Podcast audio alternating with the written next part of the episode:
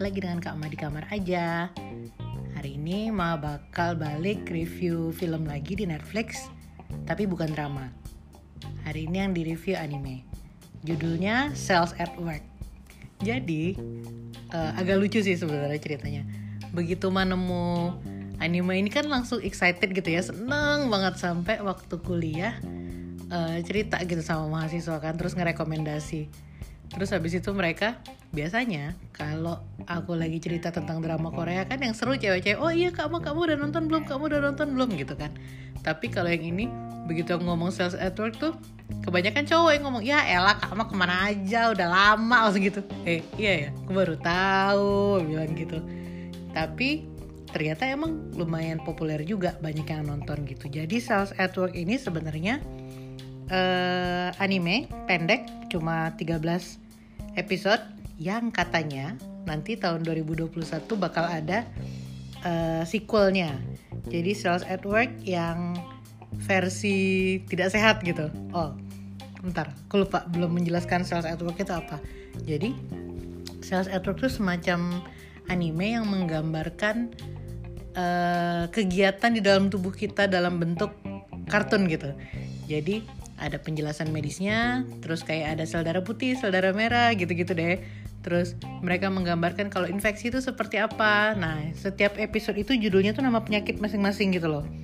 Dan mereka melakukan visualisasi itu dengan sangat bagus dan seperti khasnya film Jepang, sangat detail. Jadi uh, bahkan cara mereka menggambarkan karakter uh, sel darah merah itu aja dari topi, dari baju, dari tas yang dipakai itu semuanya dipikirin gitu. Terus karakter sel darah putihnya seperti apa? Sel darah putih kan banyak tuh jadi dijelasin satu-satu.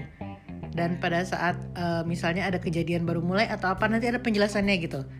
Kayak uh, sel darah merah mereka mau hakekyo gitu. Ih, lucu banget. Terus sampai yang begitu nonton tuh yang kayak nggak berhenti senyum gitu loh.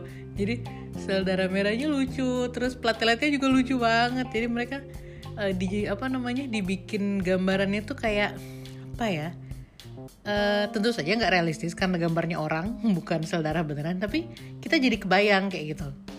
Terus yang aku bener-bener suka memang detailnya ada di topinya sel darah merah itu bener-bener kayak gambar sel darah merah gitu.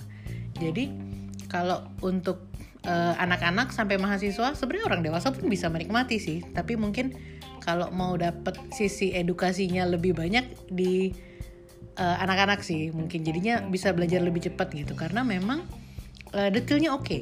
jadi penjelasannya bagus terus sebenarnya tidak terlalu berlebihan sampai sakit kepala gitu. Jadi kalau misalnya uh, bukan basicnya kedokteran pun sebenarnya bisa menikmati. Karena uh, digambarkan itu spesifik tapi dia pakai analogi yang lebih uh, down to earth gitu. Jadi misalnya uh, bahkan bukan orang kedokteran pun ngerti gitu. Terus ada beberapa penjelasan tentang hal-hal yang sering dilakukan tapi salah gitu kan. Di apa namanya uh, kita sehari-hari. Misalnya kayak penyakitnya nggak kenapa-kenapa tapi uh, ditembak pakai uh, kortikosteroid misalnya gitu. Dia jelasin itu kayak gimana terus apa namanya bahayanya apa. Jadi dia menganalogikan tuh kayak uh, penyakit yang biasa-biasa aja tapi dibom berlebihan. Kayak gitulah pokoknya. Aku suka sih. Eh itu kortikosteroid atau antibiotik ya yang di episode itu? Lupa lah. Jadi uh, penjelasannya bagus terus uh, cara gambarnya bagus dan plotnya lucu. Jadi kayak apa ya ini sel darah merah yang agak bego diceritakan jadi sel darah merahnya tuh kerjanya nyasar mulu gitu. Jadi memang digambarkan bahwa si sel darah merah itu fungsinya memang mendeliver oksigen ke mana-mana gitu karena karena memang uh, alur deliverynya itu kadang-kadang kan susah kan susah jauh tricky jalannya sempit gitu. Jadi bener-bener sampai dia harus nempel-nempel ke dinding gitu kan. Jadi kan itu menggambarkan pembuluh darah yang besar sedang kecil kecil kecil kecil kecil gitu. Terus uh, menggambarkan juga interaksinya si sel darah merah itu dengan sel darah putih. Jadi ceritanya nih sel darah merah ini sudah nggak pintar tukang nyasar terus nggak beruntung gitu jadi setiap kali ada infeksi pas dia ada di sana gitu lah. Jadi dan sel darah sel putihnya juga ada di sana juga. Jadi bener-bener lucu kelihatannya gitu kan. Uh, kelihatan interaksinya. Terus ya dijelaskan kalau misalnya infeksi bakteri ini kayak gimana infeksi virus ini kayak gimana gitu. Terus kalau ini kemarin juga kalau nggak salah episode terakhirnya tentang ini shock hemorrhagic. Jadi kalau perdarahan tuh kayak gimana nanti ceritanya tuh banyak sel darah sel darah merah yang keluar dari badan gitu loh. Jadi kayak digambarkan shock itu seperti apa. Menyenangkan sih, menyenangkan banget malah.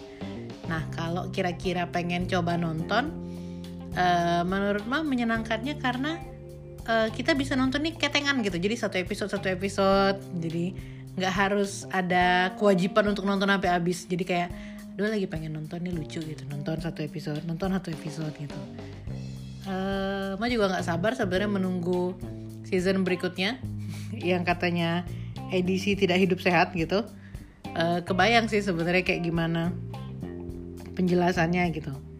Terus apalagi ya?